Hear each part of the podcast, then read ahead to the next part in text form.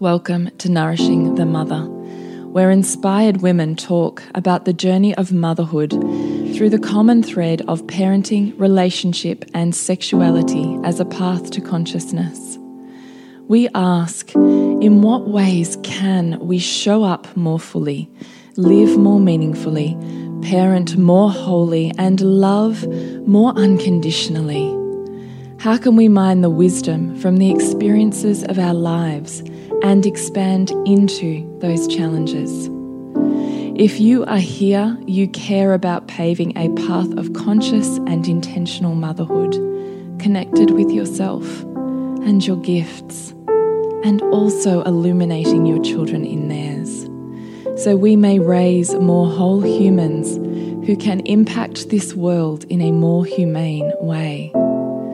And if you feel like giving a little back to this free content, please become a patron of the show and receive extra member benefits for less than a coffee a month.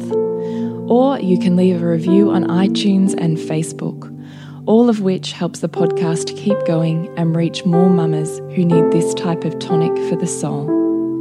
Head on over to patreon.com forward slash NTM podcast to find out more. We are Julie Tenner and Bridget Wood, and we are so grateful you're here.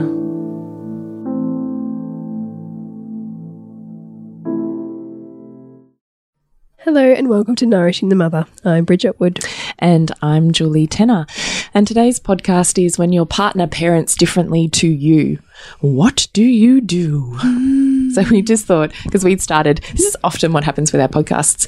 We sit here to do something different, like another podcast, and then we, you know, just sit around talking for hours afterwards. I was like, damn it, we should have We should have recorded this. this. we should have flash press record about 20 minutes ago. So- and then we were like, are we too far in or can we just kind of wind it back a bit and, and record a podcast? I feel like I've kind of forgotten what we spoke about. So Yeah. I'm hoping maybe we can still get we back can there. we can rekindle it. Yeah. So before I do that, I'd love to remind you to jump onto nourishingthemother.com.au and sign up to join our tribe where once every so often we send you an email with everything that we're putting out in the world so you can pick and choose with the click of a button where you'd love to learn more or dive a little deeper and occasionally something a little bit more intimate like a revelation with our children that we're not quite ready to share on social media. So please jump on to nourishingthemother.com.au and sign up to join our tribe. Yes. Do that. Yes. So, can you cast your mind back? Because you asked me a question. That's how we started this whole thing. Yeah. How did we get to that? I'm trying to think about it. Oh, so Julie and I obviously both have, you know, really high value on Oh, now I remember. Was it my park story? We're talking about care Oh, and yes, that's right. We were, yeah. So Backtracking the evolution of our conversation. yeah, so we were talking about, you know, I guess the intensity of, of young children, and and then you saw this, in, you know, interaction at the park, which Well, I think you'd said, you know, I, I just, I just, but I want. So we were talking about the intensity of of young parenthood, yeah, yeah, and then you were like, but I don't want it to be different yeah. either. Like it feels hard, but I don't want anyone else to look after my babies. Right. That was exactly what you said. And I was like, yeah. You know, I was really reminded of that the other day. I, um, my next door neighbor and I do babysitting swaps and our girls are the same age, which is really cool. Yeah, And so I often take the girls for a walk, you know, around the street with their little, they push their little prams with their babies and we go to the park and we have a play and, you know, we have a bit of a routine. And um, we have a childcare facility around the corner from us, which is largely largely gorgeous. I've heard amazing reviews about this facility. So down these two carers come with their wagons of six children each, um, ready to play on the park. And I was saying to you, they, they were beautiful. Like there's nothing wrong with any of it. They were beautiful carers looking after children very thoroughly, but very mainstream. And I, it's, it's at those moments I realize I think I'm really normal. yeah, And then I realize I have this whole narrative that's really quite different to the cultural norm. Mm. And I just had a visceral, as if heckles would go up, could not tolerate the way they were speaking to these mm. children. Mm. Because I guess the way that I approach parenthood is that um, they're whole and complete souls. And it's not my job to overpower them because they're littler than me. And behavior is functional, it's not mm, dysfunctional. Mm. So when I come at parenthood from those two main paradigms, I interact with my children completely differently to what the mainstream culture is with good, bad, right, wrong, mm. punishment and reward, which is what a childcare system like a school system is, Is- set up is- on. or- yeah, and is governed by and largely isn't really questioned that much. Yeah. And I was saying, you know, it was really, I had to like, ah, that's why I think this mm. is really important. Mm. And that's not an accident. Yeah, that you need to see that too. Yeah. I think often we see those things on our hard days, and it gives us the the impetus to mm. re um, reaffirm our commitment. I find anyway. And so then you led on from there. Yeah, and so I was like, oh, I so get it. And then I was thinking, saying to you because you know, obviously, in our we all have moments of unconsciousness where we go, oh, I did that didn't work so well, or I wish I didn't say that, or mm. and then conversely, we also have moments where we look at our partner and see their unconsciousness and feel into that and decide whether we want to intervene in that, whether we want to pull them up, whether we want to have a conversation, whether we're willing to recognize the lens with which we're looking at how our partner's parenting in that moment. And so I wanted to open up that conversation in terms of what it looks like when your partner parents differently to you or has mm. moments of, I think you said something like, What do you do when you see that? oh, yeah, so yeah, what, what do you do when you see your husband, you know, acting very unconsciously in parenting? with your child. with your child, you know, because knowing that they don't have the depth of knowledge nor desire to really understand. Oh, well, your question was something like, How do you teach Nick? Oh, that's right. How Or do you teach? Yeah, how it? do you teach him to understand what's going on from a neurobiological point of view, or what's going on from a nervous system overwhelm point of view in kids? Hmm. And so how I responded to that was, ah, look, I don't feel like I, I don't feel like that's my role to teach him. So I largely don't. And I guess if I'm going to, I bring it in like I do with my children as a, an, as a practice of awareness. Do you notice how Heath is right now doing this, looking like that? This is happening because mm. often I think we can be so, we're in a dynamic with our children. So we're replaying ourselves and our own parent dynamic. We're mm. replaying it. So mm. we're actually, even though we're present, so to speak, in inverted commas, we're living in the past. Yeah, So the thing they are us at the same age. yeah, but it's almost like a like a curtain that's come mm. over us in those mm. moments. We're replaying a scene from our deep unconscious, mm. though we think that we're adult and here, we're not. And so something that seems really obvious to me looking at that may not be obvious to him at all because he's not really here. Yeah, He's somewhere else. and he's not playing. And he's not playing the scene you're playing either.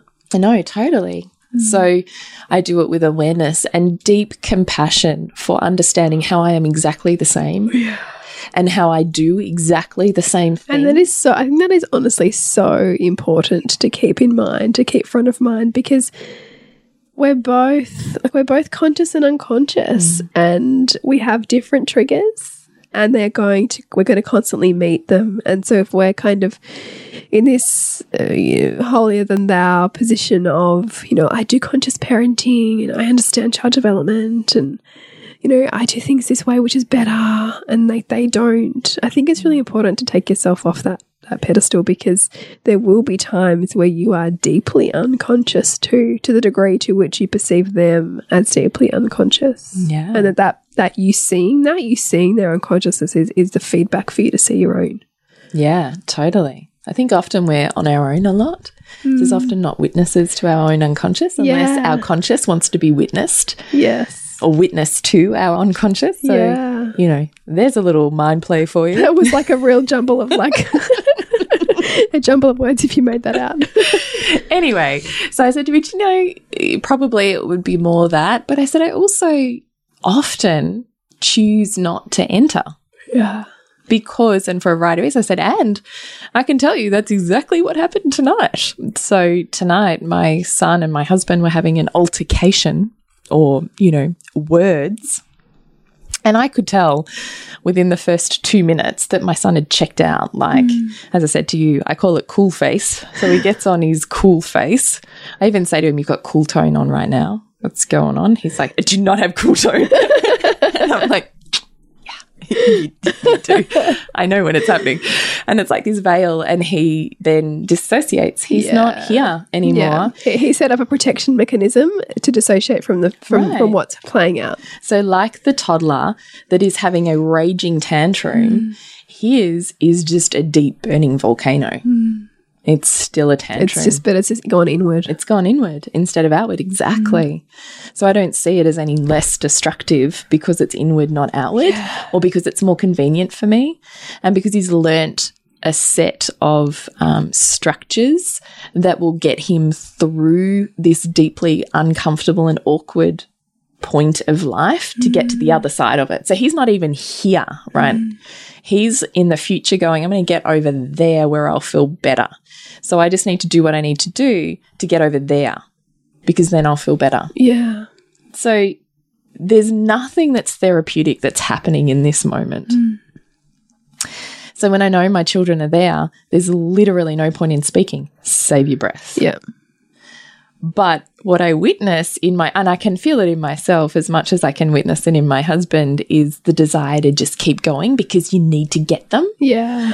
or you need to win, Yeah. you know, or you need them to like see the You world to your way, hear you, whatever. whatever right? it is. Yeah. And so I was watching this thing play out, and I could see my husband getting more and more triggered, and I could feel his energy just kind of like bolstering up, and his shoulders kind of rising in that kind of warrior, you know, that like, Yeah. oh, I'm ready, you know, to, to like take you on. And I'm watching my son get more and more cool. and I'm thinking, as if this isn't you, as if this isn't you and your dad. I mean, he can't see that, but I was watching from the kitchen and I'd kind of peek my head over and I said to Bridget, the bench was looking pretty good to wipe. so I'd like wipe, wipe. Hmm, look what's happening over there. i wipe, wipe. Stick my head round. Flash was my son was facing me. My husband's back was to me. Flash him a smile. Yeah, I'm the good cop. right? and then I'd come back wiping. to wiping the bench, and then I'd flick over. Yeah, your dad's not so perfect, is he? and then I'd come back again, wipe a little bit more, come back, give him a smile. Mum's still here. like, I knew what I was doing. Yeah. and, that, and meanwhile, that bench was sparkling clean. So good. but I, I, you know, I say that with humor because, and this is what I said to you. This is why I don't enter these moments mm. because who am I to say this is the right or the wrong way for this reality to play out? Who am I to say that? Yeah. because I do 90% of the parenting, my children see my humanness hmm. way more hmm. than they see my husband simply by virtue of the amount of time I spend with them. Hmm. And actually, you know what just dropped in for me? How much does maybe that need to happen for your for your husband to break your son's infatuation with him? Just interrupting our podcast on when your partner parents differently to you to let you know we have our Kids Kindness Advent running at the moment and we'd love for you to get in on it for just $11. It is a private Facebook group filled with inspiration, a tribe of mamas creating some super connected experiences with their children. We have workshops, we have ideas, we have downloadable PDFs, and even for the last two weeks as a lead up to Christmas, you can get in. So please create kindness as acts that you can do with your children.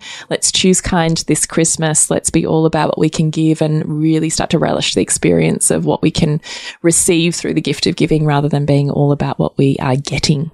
So to find out more about that, you can choose any of our social channels or nourishingthemother.com.au. Yeah, totally. Well, that's that's what I mean. That's massive. I've just been thinking the same thing. In fact, I don't want to now, and it would be remiss of me necessarily, potentially, to step in when I can see my husband's offhand comments to my to my son or whatever that I would think are kind of a little bit out of line. But how much does my son need to hear that in that moment? Because maybe he's got this idealized dad on a pedestal. Yeah. And so he needs to see the humanness to bring him down and love himself more again because he had, you know, dissociated from himself to put his dad up as this kind of god. Totally. Fucking functional. Right. Yeah. This is my point. Yeah, I get it. It's exactly my point. And at the same time, I'm thinking this is also balancing your perception of me. Yeah. Because I think often, particularly as my kids- get and- and they older, compare, they think they? I'm the hard ass. Yeah, Yeah. because I'm definitely, we're doing this, we're not doing that, you Yeah. know, and I'm the one that will hold the discomfort while we move through that thing. They know that. Yeah. So to see that there's levels of their dad that they don't normally get access to, I think is a beautiful thing. Mm. I think it's really beautiful. Yeah.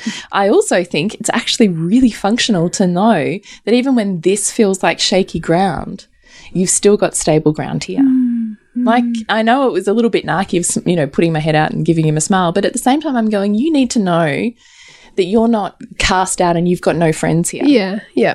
And and the reality is like, you know, the mother and father kind of play out the the embodiment of the universe offering support and challenge. So knowing that the universe offers support and challenge in every moment means that it's a fantasy to try to get both parents always supportive all of the time. Because have both parents always supportive all of the time means the war outside. means that that kid is getting bullied at school. Mm. That kid is having shit going down outside the family mm-hmm. Mm-hmm. because an over supportive family creates war for that child outside the family. Mm. It's it's a necessary function of the universe, mm-hmm. always giving you compensation. Mm. Hundred percent. Love it when you sing this stuff. By the way, like rocks my world. Yeah, So anyway, so I was saying, so largely, actually, what I would do is that, like, a some version of that, like, hey, I see this, but I'm still here. This is something you can move through and work out because I fully trust that whatever behavior you're managing right now, even though I I label it as disassociative or um, dysfunctional, yeah. From a therapeutic point of view, because you can see that it is shutting down in some version. Right. Yeah. I still believe that each of our children's behaviors, maladaptive or otherwise, are functional Mm. for them in that moment. It's the best they can do for the best of themselves in that moment. Yeah.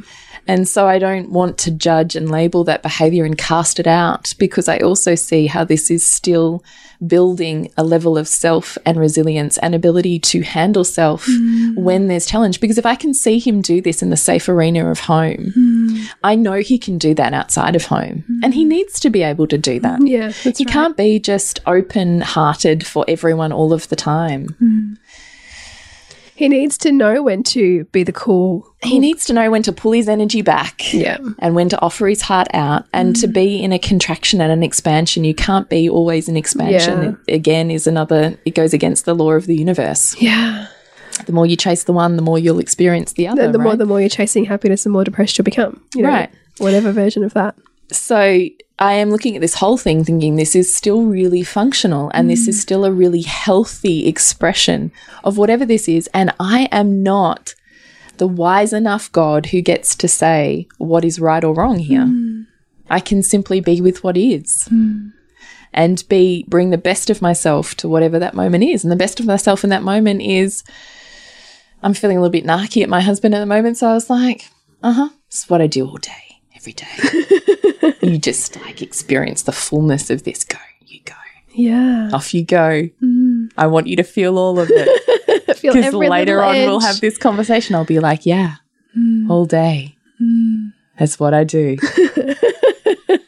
it's pretty hard, isn't it? Yeah. You know, and I think that brings a level of humility and a place to have a conversation from when I'm tapped out, I'm really, I'm done. Because I've done that that you've done for five minutes mm. for seven hours mm.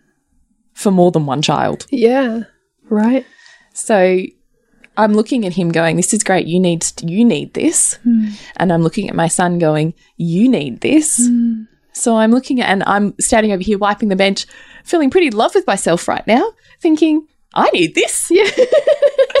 This is fantastic. Everybody's winning. Everybody's winning, right? It's just a different way of Yeah. looking at what this function, what the function is in this dysfunction. And again, that that's the the value of conflict.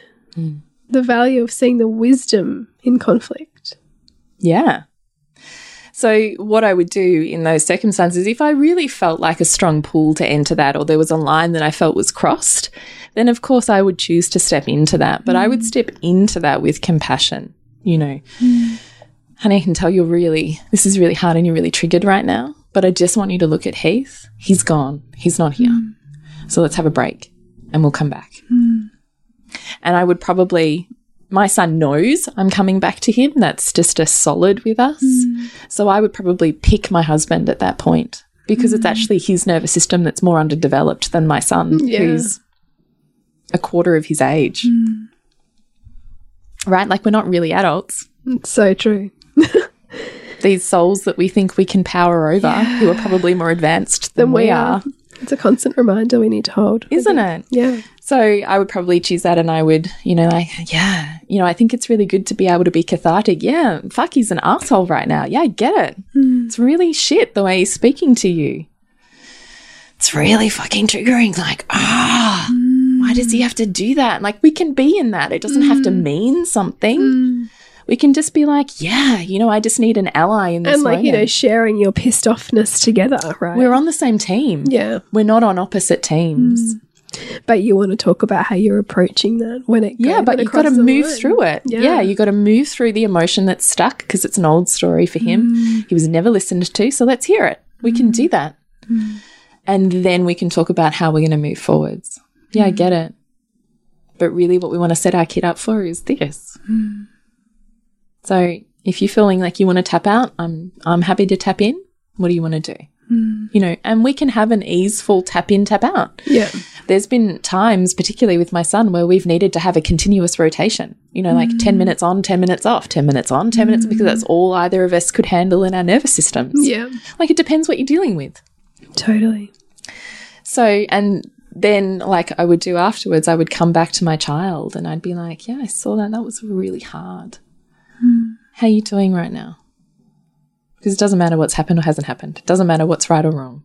All that matters is that they feel seen and heard in their immediate experience hmm. at that point in time. And you know, creating safety for their nervous system is making that point safe, right? So that you're so that they're not going to perceive judgment that they need to, you know, go into fight or flight for.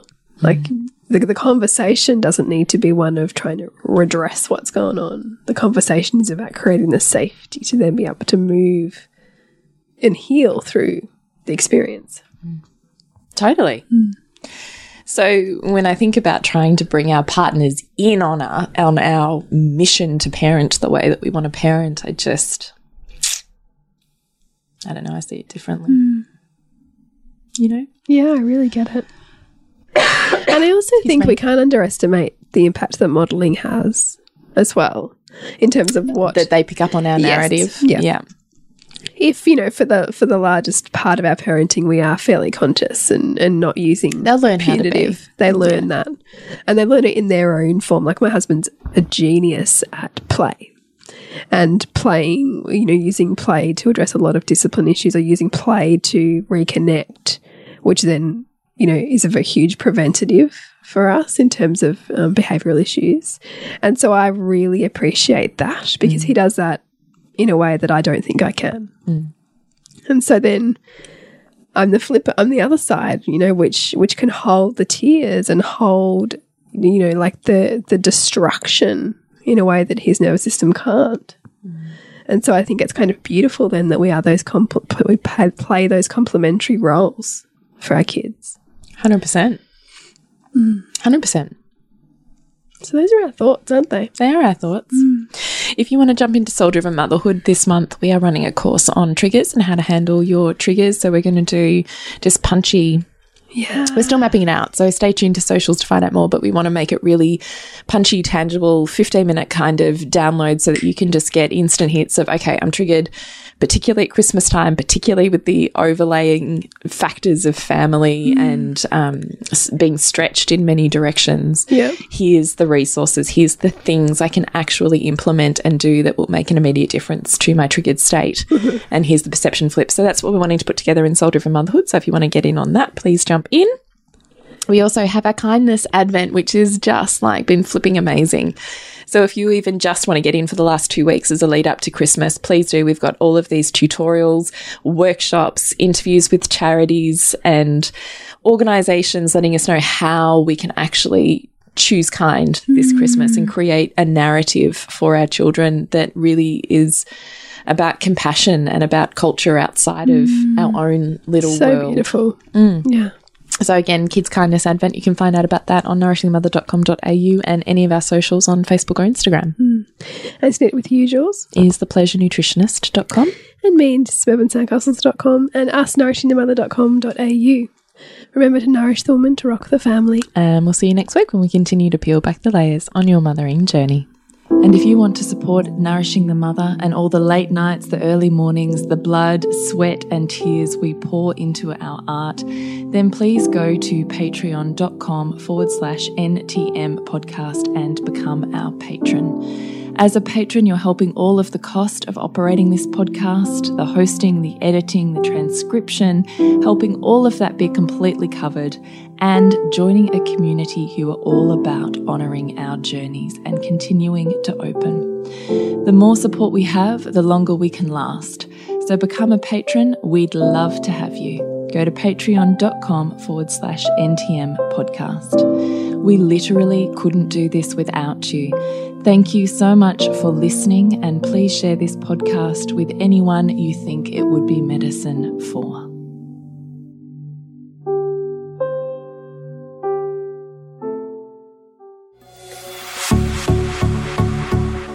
This has been a production of TheWellnessCouch.com. Check us out on Facebook and join in the conversation on Facebook.com forward slash The Wellness Couch. Subscribe to each show on iTunes and check us out on Twitter. The Wellness Couch, streaming wellness into your lives. Whilst the Wellness Couch presenter endeavor to provide accurate and helpful information to their listeners, these podcasts cannot take into account individual circumstances and are not intended to be a substitute for health and medical advice from a qualified health professional. You should always seek the advice of a qualified health professional before acting on any of the information provided by any of the Wellness Couch podcasts.